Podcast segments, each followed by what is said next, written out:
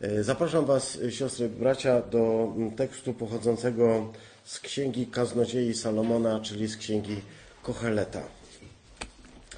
E, Zatytułowałem to rozważanie dzisiaj Oda do marności.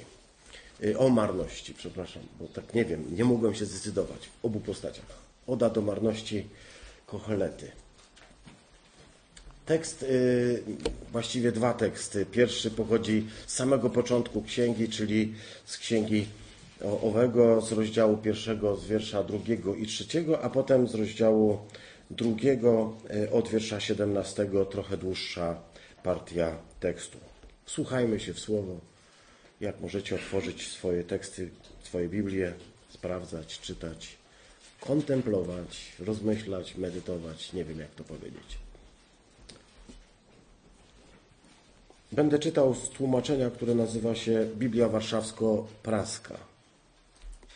Biblia Warszawsko-Praska. Marność, marność, woła Kochelet. Marność, marność, wszystko marność. Marność nad marnościami. Wszystko marność. Co za pożytek ma człowiek z całej swojej majątności, o którą tak zabiega pod słońcem? Dlatego zbrzydło mi życie, zobojętniałem na wszystko, co się dzieje pod słońcem i we wszystkim dopatrywałem się jakiegoś zła. Wszystko to marność i pogoń za wiatrem. Obrzydły mi również moje bogactwa, które z takim trudem zdobywałem pod słońcem, a wszystkie muszę zostawić moim następcom. Któż wie, czy to będzie człowiek mądry, czy jakiś prostak. W każdym razie jemu dostanie się cała moja majętność, którą zdobywałem z takim trudem pod słońcem, posługując się przy tym całą moją mądrością. I to także marność. I coś się we mnie zmieniło. Zacząłem wątpić w wartość tego wszystkiego, co z takim trudem gromadziłem pod słońcem, bo oto okazuje się, że wszystko, co człowiek posiada dzięki swojej wiedzy i pracy, otrzymuje ten, który nad niczym się nie trudził. I to też jest marność i zło, które się często zdarza. Cóż więc za pożytek ma człowiek za, ze wszystkich swoich bogactw, które gromadził pod słońcem wielkim wysiłkiem swego umysłu? Wszystkie jego dni wypełnione pracą, troskami, niepokojem. Nawet w nocy jego duch nie zazna spokoju. I to także jest marność. Szczęście człowieka nie na tym polega, że może jeść i pić ile zechce i cieszyć się jako szczęściem tym, co posiada. Stwierdziłem, że szczęście zależy od Boga. Amen. Pobłogosław nas, Ojcze nasz umiłowany, tatusiu z góry, z nieba, ale także tu, spośród swojego ludu, abyśmy mogli wsłuchać się w głos Twojego, Twojego słowa, Twojego serca, Twojego ducha. Usłyszeć, co Ty mówisz dzisiaj do Kościoła. Tego pragnę. Tego pragną moi bracia, Twoje dzieci. Wysłuchaj nas. Amen. Vanitas vanitatum et omnia vanitas, mówili za Hieronimem. Znany tekst i niektórzy z nas e, znają to po łacinie. Vanitas vanitatum et omnia vanitas. Wszystko marność. Marność nad marnościami. Wszystko marność. Y, Każde ze świąt żydowskich miało e, swoją megilę. E, swój tekst, który był czytany, całą księgę. Na święto Paschy czytana zawsze była księga pieśni nad pieśniami. Pamiętacie, co było czytane na, księg- na święto Sza- Szawuot? Na święto Pięćdziesiątnicy? Księga Rut. Księga Rut. Myśmy ją czytali. Tam też to było wspomniane. A na jaką okoliczność czytane jest, czytana jest tam mm, Magilla? Na, na jaką okoliczność czytana jest Księga Kaznodziei, bo to jest e, księga należąca do pięciu Megillot, czyli tych pięciu zwojów. Y, Na jaką okoliczność czytają Żydzi tę księgę? Księgę, która, jak słyszymy, no, nazbyt optymizmem nie tryska. Żeby nie powiedzieć y, tak dokładnie odwrotnie. Otóż ni mniej, ni więcej jak na jedno z najradośniejszych świąt, święto Sukot, czyli święto Szałasów. Na święto Szałasów, dokładnie na trzeci dzień tego święta, czyta się całą tę księgę. Niektórzy mówią za karę. W tym sensie, że człowiekowi za dobrze, to powinien się zderzyć y, z takim trudnym tekstem. Jak się przeżywa coś radosnego, przeczytaj coś takiego pełnego refleksji. Jednocześnie zobacz, jak szybko przemija ten czas. Już połowa święta, za chwilkę się skończą. Ten dom, który wybudowałeś, ten szałas, czyli ta suka, jakbyśmy powiedzieli po żydowsku, bo oni tak mówili, to za chwilkę się rozpadnie, tak? Przeczytaj więc sobie ten tekst. Jeszcze inni mówią, że ten tekst jest tak optymistyczny, że nie dziwota, że właśnie taki tekst ma być czytany na to święto. Nie wiem, widzę trochę powątpiewanie na waszych twarzach, kiedy mówię, że tekst jest bardzo optymistyczny.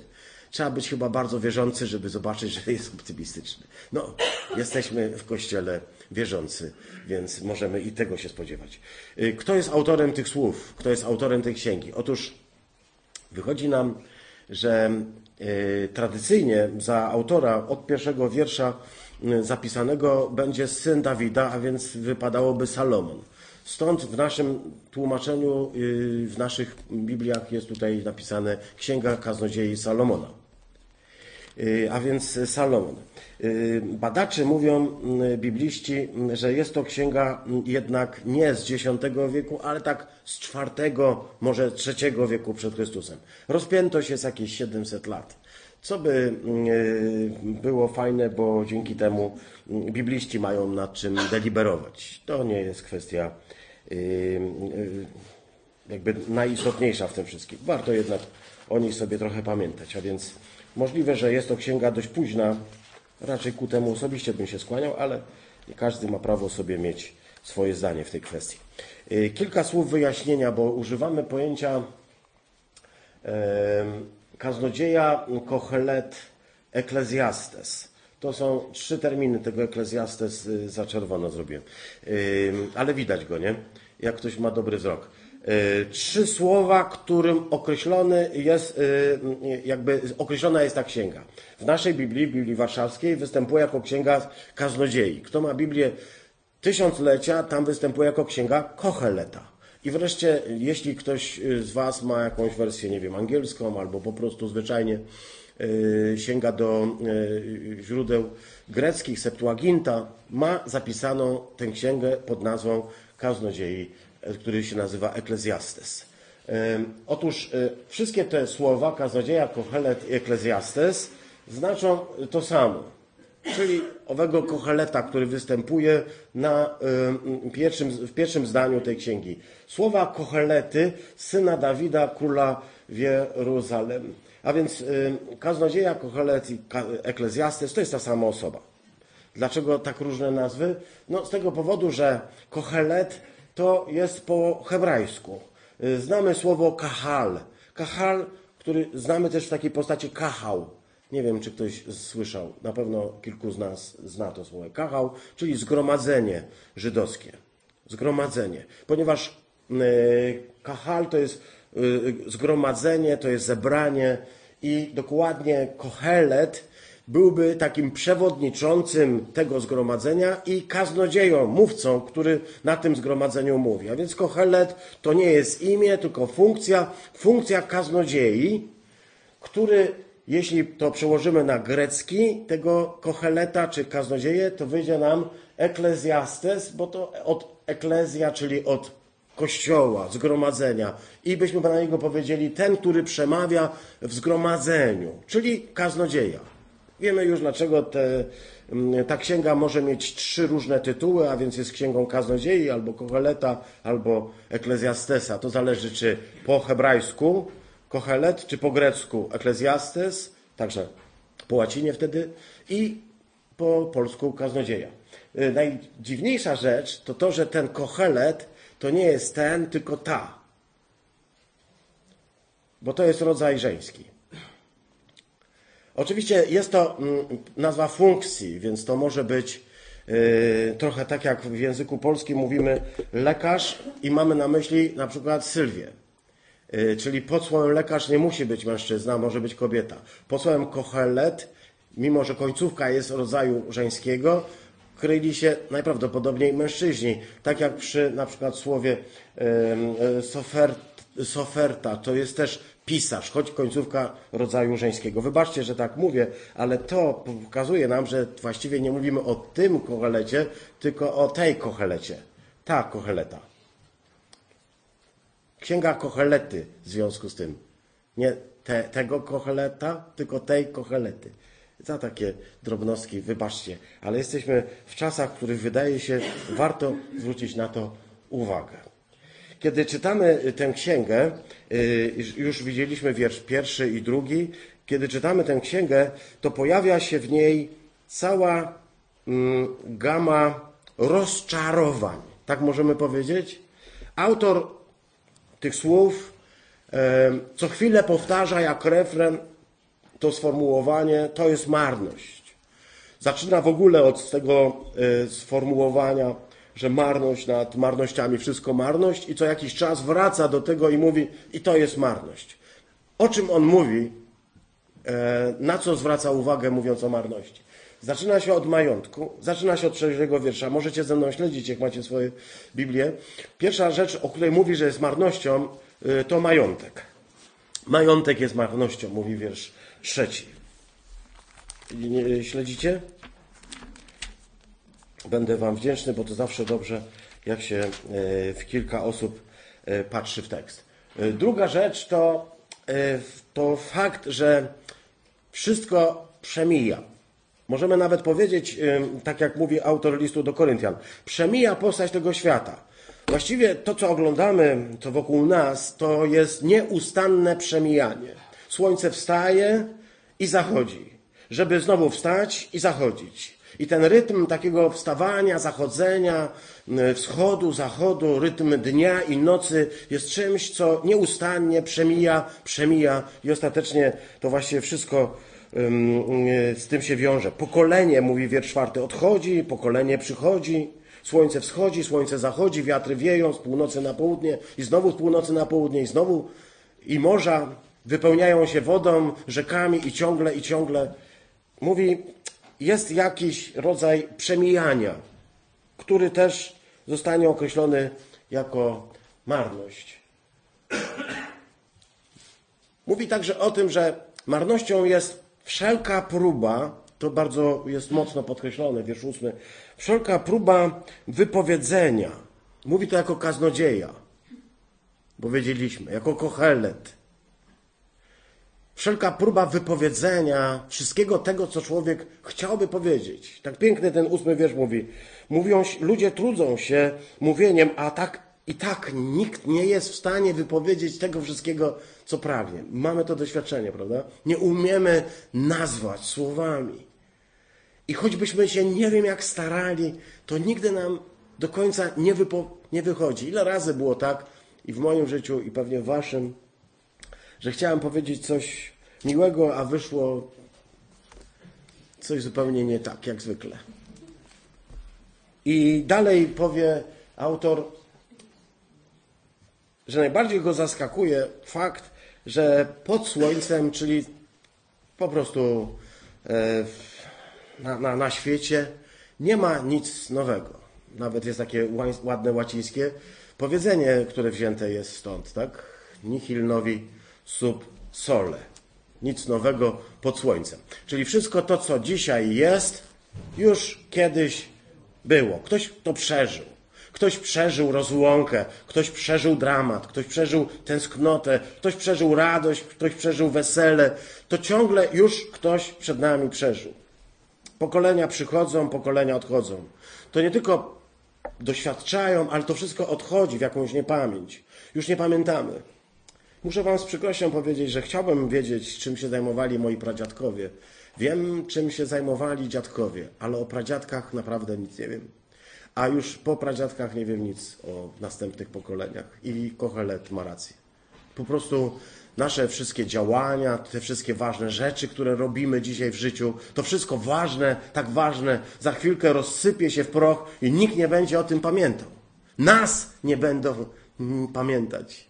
Jeszcze może jedno pokolenie ktoś wspomni, a potem pójdziemy zupełną niepamięć. I nad tym boleje Kochelet. Mówi, to, to, nie, ma, to nie ma sensu, to, to jest marność. Marnością nazywa też wszystko, co istnieje i co jest pogonią za wiatrem. Pogonią za wiatrem, wszystko, co istnieje, wszystko jest marnością. I to jest e, hebrajskie słowo hevel, do tego zresztą wrócimy.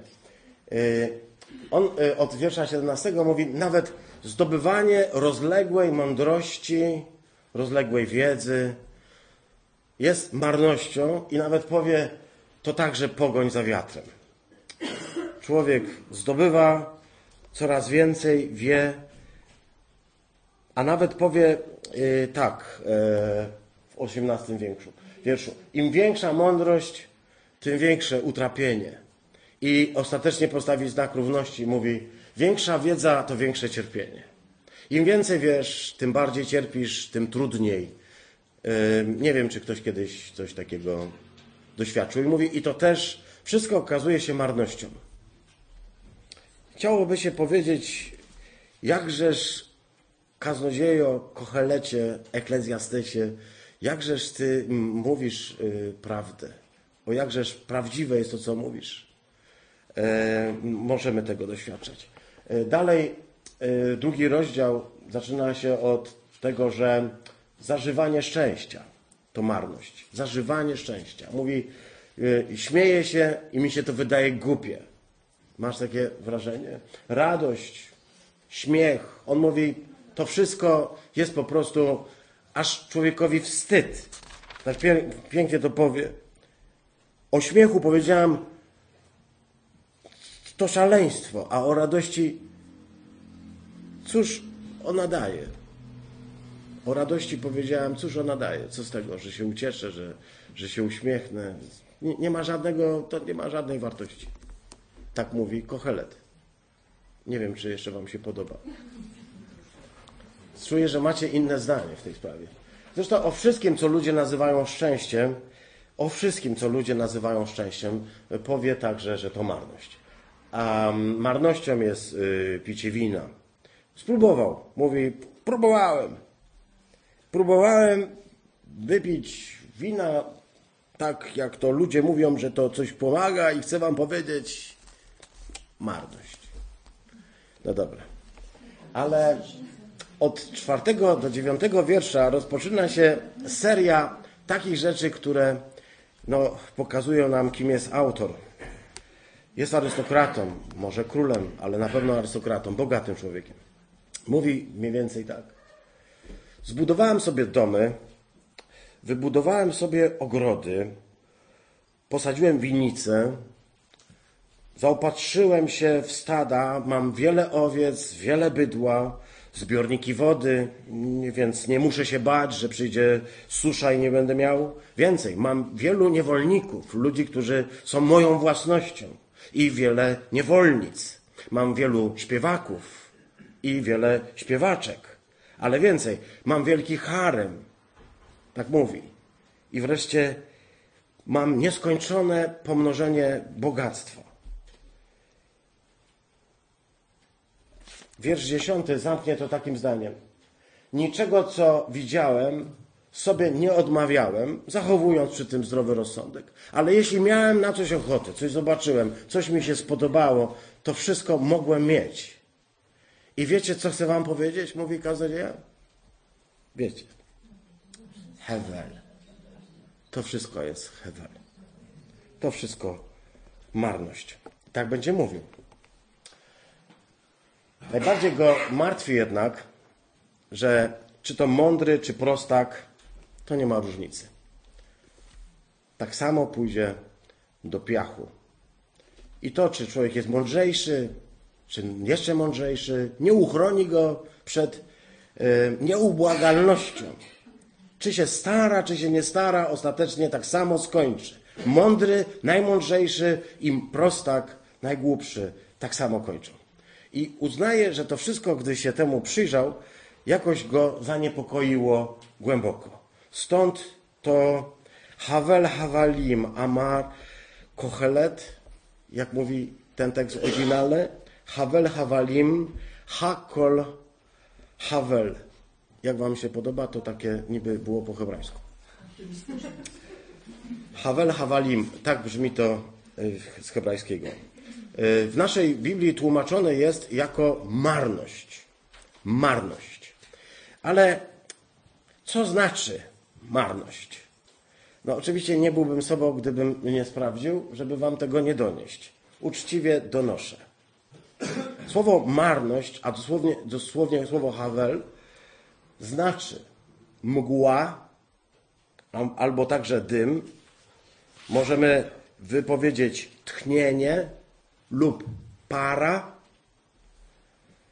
powiew, podmuch wiatru, ale może także samo przemijanie, coś, co jest ulotne, lekkie, dotknięte absurdem przemijalności i wreszcie bezskuteczne, bezwartościowe, bezcelowe, kompletnie nietrwałe, dlatego liche, czyli marne.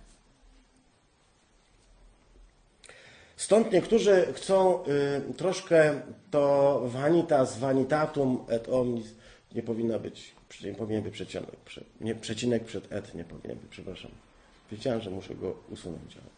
Vanitas vanitatum et omnia vanitas. Po łacinie, jak mówiliśmy po hebrajsku mamy, a przekład ekumeniczny, zobaczcie, mm, przekład ekumeniczny proponuje ten, to sformułowanie, choć ładnie, to jednak troszkę zaskakująco nietrafnie. Mimo to cytuję. Ulotne, jakżeż ulotne, wszystko jest ulotne.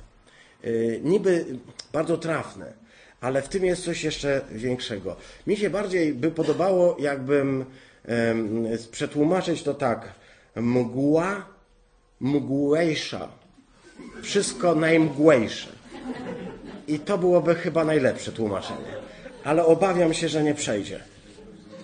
Mhm. Ciekawa rzecz, że akcentuje się tutaj właśnie, zobacz, to, to, ta marność to jest coś takiego, jakby to wyglądało, jakby taka fata morgana. Wygląda coś, że jest, tak? Wygląda, że jest, że to stoi, że to jest, prawda? Jak mgła. Ale jak w nią wejdziesz, nie możesz jej złapać. Jak nie możesz złapać wiatru, bo jakbyś go złapał, schował, to już by go nie było, tak? Jakbyś nie mógł uchwycić dymu, tak? Jakbyś go nie mógł przygarnąć. Stąd widzisz go, jest, to nie ulega, to nie jest nic, to jest coś, ale coś takiego, co funkcjonuje w kompletnym niezdolności do tego, żeby to, to wziąć. Okazuje się, że jakbyś chciał na takiej mgle, którą widzisz, pięknej mgle, wyobraź sobie taką sytuację, jesteś w górach i mm, od szczytów idzie mgła, widzisz ją, tak? Czy możesz na niej pobudować coś? Czy na tej mgle, która wygląda jednak solidnie z daleka, wygląda jak takie zwały chmur, Albo na obłoki, jak się popatrzysz, na chmury. Patrzysz się na obłoki, takie niektóre są nie tylko obłoczki, ale takie potężne obłoki. Wygląda na to, że można by tam coś na tym postawić, ale wiesz, że nie dałoby rady. Ponieważ gdybyś tylko coś powiesił, postawił, to by spadło. Ponieważ ta mgła nie da podstawy do Twoich nóg. Nie będziesz w stanie na niej się oprzeć. To jest mgła. Zresztą ciekawa rzecz, że w tym czasie żył taki mm, poeta, właściwie filozof bardziej niż poeta, bo on trochę tak filozofował poetycko, e, pisał wiersze filozoficznie. Monimos się nazywał, może go tu będę miał. Monimos Syrakus, cynik z IV wieku. On miał zwyczaj mówić, e, zwróćcie uwagę, wszystko jest jak dym. Wszystko jest jak dym. I to bardzo przypomina to o czym mówimy Havel Havelim. To wszystko jest jak dym. Wszystko okazuje się, mm, mm, wszystkie wysiłki ludzkie jakby w pustkę idą, jakby nie osiągają celu. Są trochę bez sensu i ostatecznie bez większego znaczenia. Marek Aureliusz, e, który jest często cytowanym cesarzem stoikiem, bo to wydaje się bardzo stoicka mądrość. Powiedział kiedyś, przywołując konkretnych filozofów, konkretnych cesarzy, napisał w swoich rozmyślaniach tak dokładnie. Yy, Pomyśl sobie o tych Cezarach, o tych wszystkich wielkich, o tych wszystkich najpotężniejszych, którzy już umarli, o tych filozofach, co to żyli, napisali, ale już nie żyją. Pomyśl sobie o, o nich i postaw sobie pytanie, gdzie oni są? Tu trzeba by zmienić.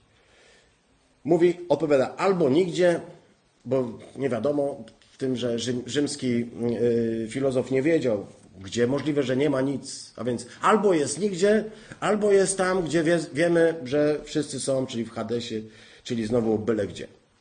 Więc albo jest nigdzie, albo jest byle gdzie. I mówi dalej, w ten bowiem sposób będziesz zawsze patrzył na sprawy ludzkie jak na dym i jak na nic. Żebyś mógł zobaczyć, że wszystkie ludzkie sprawy, wszystko to, czym się możesz zajmować, to ostatecznie jest dym.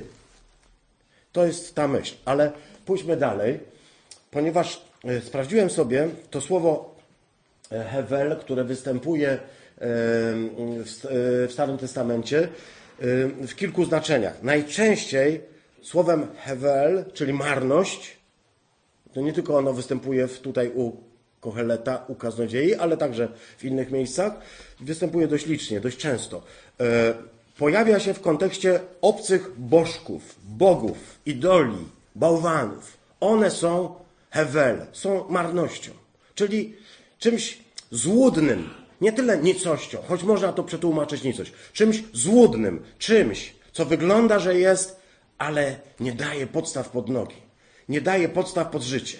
Dlatego jakbyśmy czytali powtórzonego prawa księgę, czyli piątą Mojżeszową, pobudzili mnie, Bóg mówi, do zazdrości tym, co nie jest Bogiem.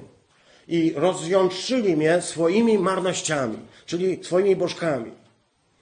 Y, Nasz umiłowany Jeremiasz w drugim rozdziale, w piątym wierszu, będzie mówił także takie mocne słowa, które myślę do, docierają. Powie, jakie zło znaleźli wasi ojcowie u mnie, że oddalili się ode mnie, a poszli za marnością i zmarnieli. Jak poszli za marnością, to raczej nie, nie zbudowali. Co widzieli we mnie takiego? Co znaleźli we mnie wasi ojcowie takiego, że mnie zostawili, a poszli za bożkami, które są marnością? No i co się z nimi stało? Co się stało z waszymi ojcami? Zmarnieli. Ponieważ próbowali budować na mgle. Ponieważ próbowali budować na czymś, co jest jak tchnienie co nie jest uchwytne. Moglibyśmy zobaczyć pięknie w dziesiątym rozdziale y, Jeremiasz powie od trzeciego wiersza, gdyż bóstwa ludów są marnością. Mówi o tym, że wykonują je rzemieślnicy i tak dalej. I powie to, myśmy to kiedyś czytali. Wyku, wykują gwoździami, pobijają i na koniec w piątym wierszu mówi, są jak y, strach na wróble na polu ogórkowym. Nie mówią, trzeba je nosić, bo same nie mogą chodzić. I pięknie to konkluduje. Nie bójcie się, bo ta marność ci bogowie nie mogą wam zaszkodzić, ale też nie mogą zrobić kompletnie nic dobrego. Nie macie co bać, oni wam nie zaszkodzą, ale pomóc to na pewno wam nie pomogą. I powie dalej, i będzie to powtarzał y, w dziesiątym rozdziale Jeremiasz, w szesnastym rozdziale. Złudę posiedli wasi ojcowie, nicość, tchnienie, mgłę, dym. Tego się uchwycili. I czy to da podstawę do ich życia? Czy da podstawę do ich życia ten jeden czy z drugim Bożek? Ten, który chce uchodzić za Bożka. A powie Jonasz także y, o czcicielach innych bogów, którzy byli wyznawcami Pana, Boga i porzucili Go i zaczęli być wyznawcami innych bogów. Powie o nich strzegących marności i nicości opuścili ich miłość. Ale nie tylko bogowie są marnością, bo jakbyśmy się popatrzyli jeszcze w inne teksty, to byśmy zobaczyli bardzo podobne konkluzje do tego, co widzieliśmy u y, kaznodziei, i w, czyli w księdze kaznodziei w księdze Kocheleta. To znaczy, to jest ta sama. Y, W księdze Hioba y, ten dotknięty cierpieniem mąż Boży powiedział: Uprzykrzyło mi się życie. Nie chcę dłużej żyć. Czy to podobne jest do tego, co czytaliśmy w kaznodziei? Zaniechaj mnie, bo moje dni są tylko hewele, są tylko tchnieniem, są tylko oddechem, powiewem wiatru, są tylko dymem, mgłą, marnością. Psalm 39 powie: Doprawdy życie wszystkich ludzi jest tchnieniem. Człowiek jest cieniem, przemija. Jest tylko jak powiew. Tyle się niepokoi, gromadzi, a nie wie, kto to wszystko zbierze. Tylko powiewem, tylko hewel jest każdy człowiek. Tylko marnością, tylko tchnieniem, dechem. Jedynie powiewem są synowie ludzcy, czytamy w psalmie 62. Synowie mężów są kłamliwi, wznoszą się na wadze w górę. Wszyscy razem są lżejsi niż tchnienie. A psalm 144 powie, człowiek jest podobny do tchnienia wiatru. Człowiek jest podobny do tchnienia wiatru. Jest przemijalny. Ta przemijalność która dotyka nas najgłębiej. Ta przemijalność, która powoduje, że czujemy, to nie Arek, to nie Sara, to jeszcze nie ci młodzi, ale ci starsi, czujemy, że tracimy siły. Przemijalność. Przemijalność pamięci, naszych zdolności. Czujemy, co autor mówi, gdy wypowiada ten swój piękny monolog, który brzmi, jeszcze raz go przywołam z początku.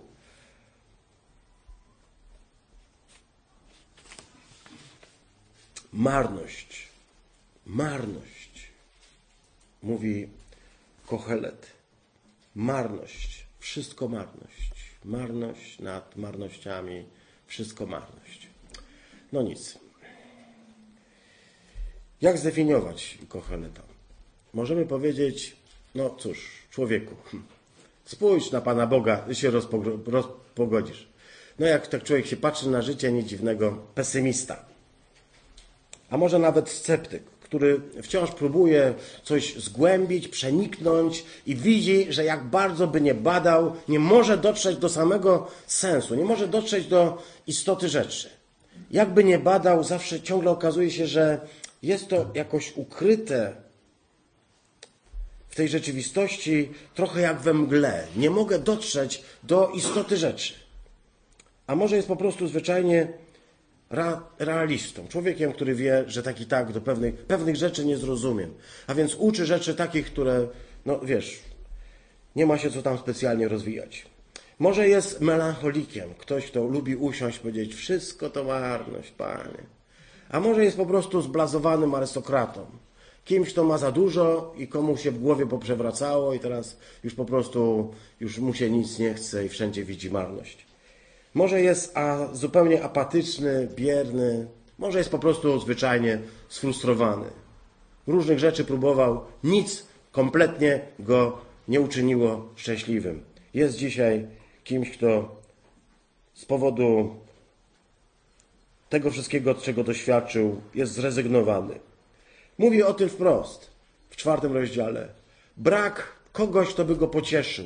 Brak mu pocieszyciela. Tak powie na początku. I myślę, siostry, bracia, że przyglądając się tej postaci, możemy powiedzieć, oto mamy cały Stary Testament przed nami. W tych wypowiedziach mamy cały Stary Testament. Mamy całą perspektywę Starego Testamentu, pierwszego przymierza, jakie Bóg zawarł ponieważ Kochelet nie jest ateistą. Kochelet nie mówi, nie ma Boga. Kochelet powie, bojaźń Boża jest zasadą życia.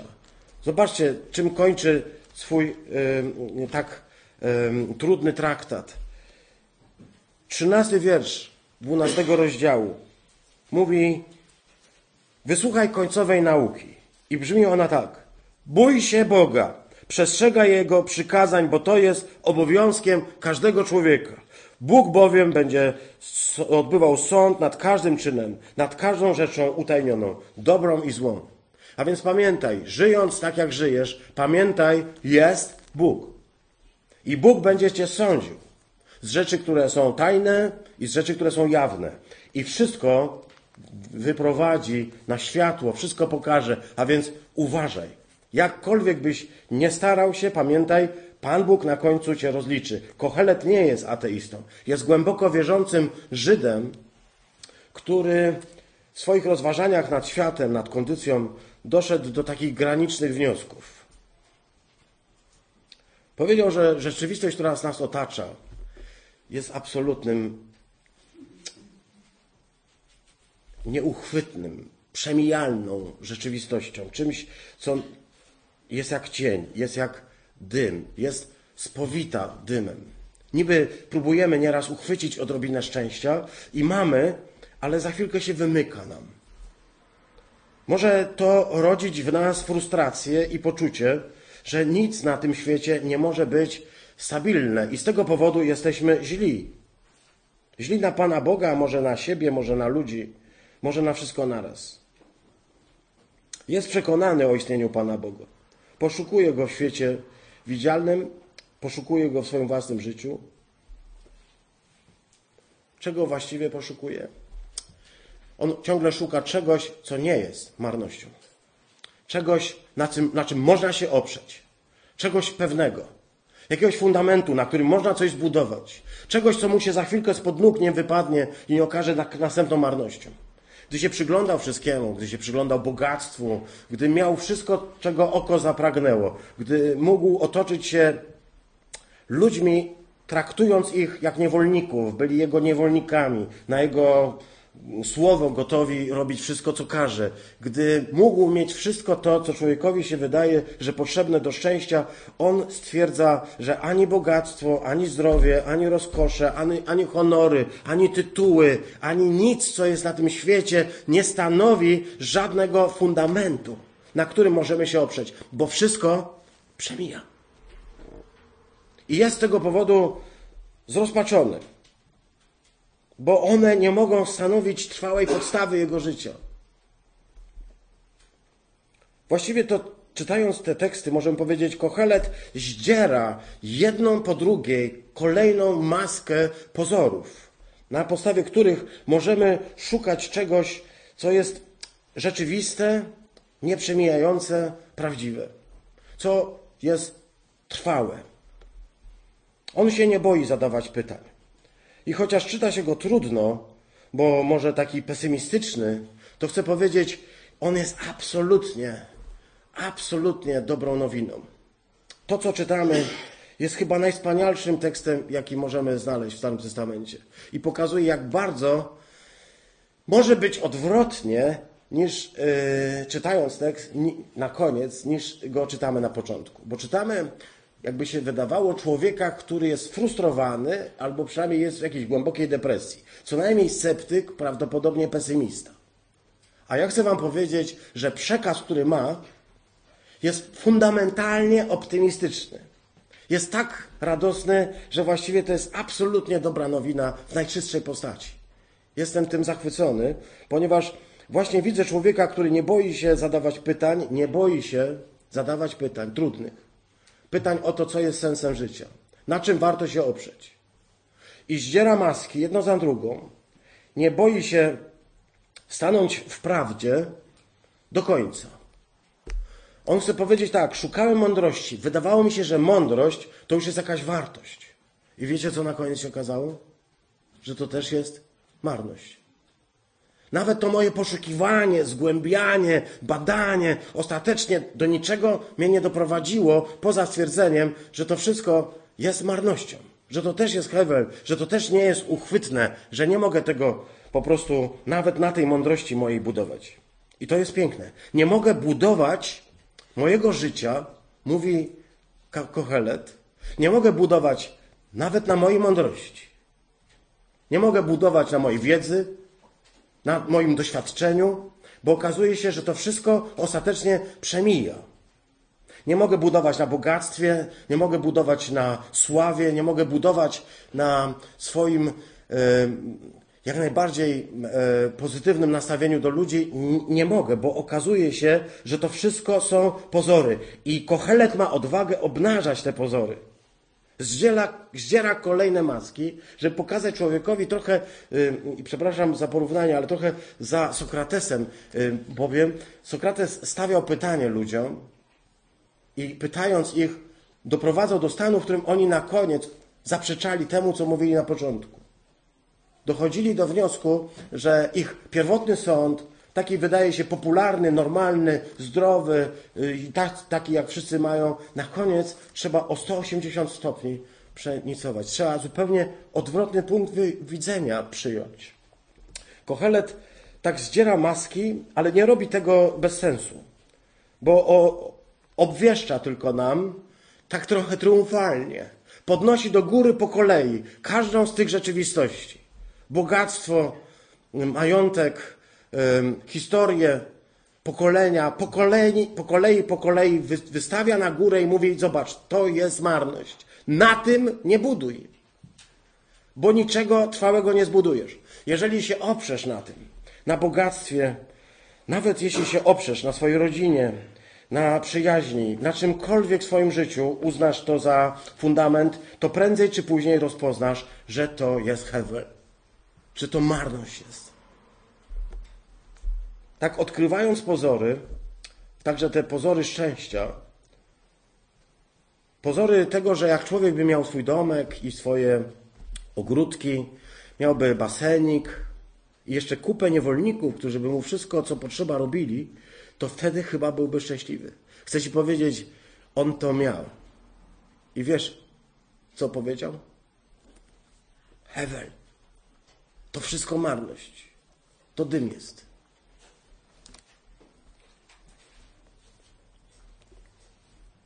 Każdy z nas może mieć w życiu taki punkt graniczny, w którym musimy sobie uświadomić, że wszystko to, na, czym na, na co stawiałem w swoim życiu, to, co mi się wydawało fundamentalne, okazuje się tak niepewne. Tak niepewne. W każdej chwili może się rozpaść w proch. Jeśli na tym będę budował, to prędzej czy później muszę się zawieść. A jak się zawiodę, to do kogo będę miał pretensje? Do kogo będę miał pretensje, że coś mi się spod stóp wysunęło? Bo to był dym, bo to mgła była. Dlatego czytając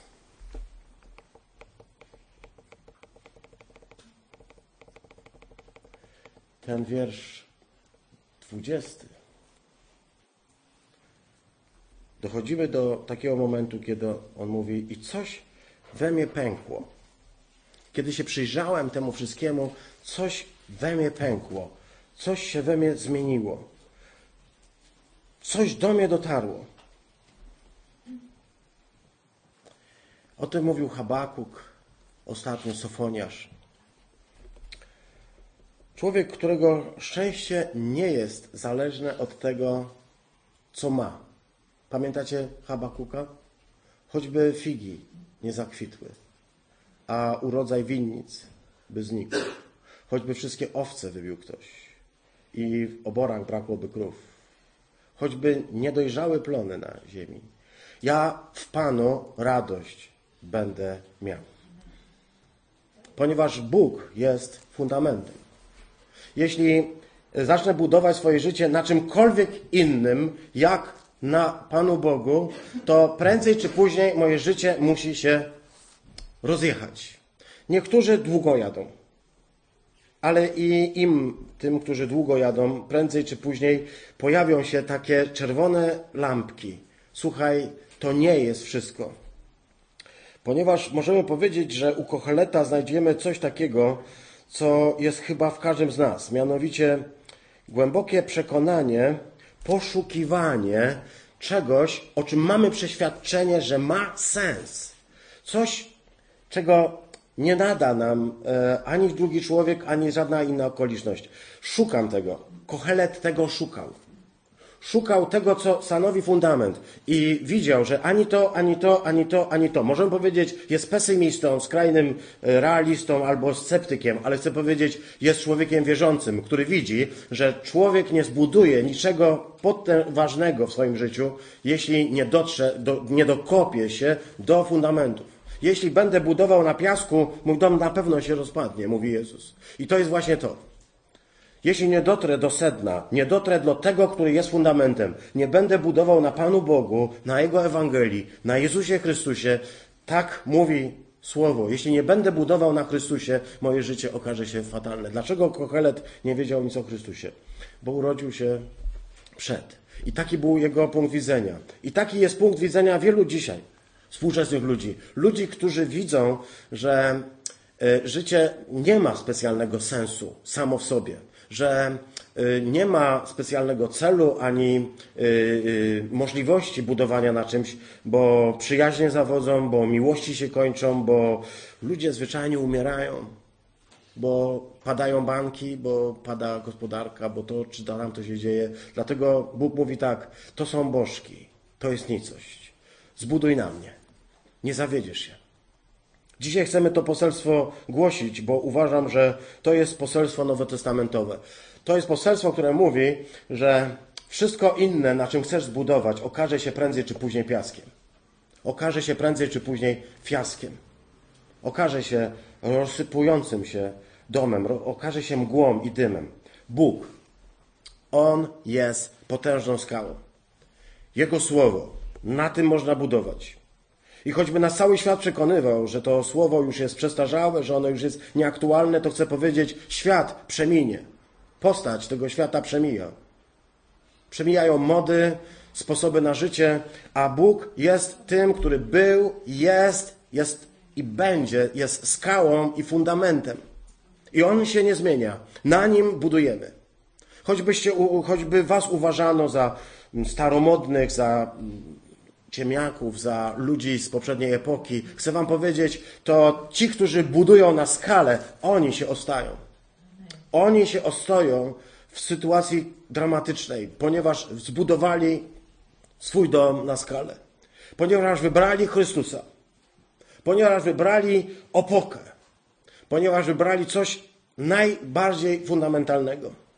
Coś, co wydaje się ludziom jak dym, ale to właśnie jest fundament, Jego słowo. Dobra nowina brzmi: możesz zbudować na skalę, możesz zbudować na skalę swoje życie. Możesz zbudować na Chrystusie, na Jego Ewangelii, ponieważ wszystko przemija, wszystko płynie, wszystko pantarej, jakby to chcieć powiedzieć po filozoficznemu. Wszystko się kończy, może pojawiać się rozpacz, ale ona niczego nie wniesie poza śmiercią. A Bóg nie chce, żebyśmy rozpaczali i umierali, ale chce powiedzieć tak: stań na moim słowie, na gruncie Ewangelii, stań i wyznaj, że Jezus Chrystus jest Panem i przylgnij do tej skały, a zobaczysz cuda. Amen.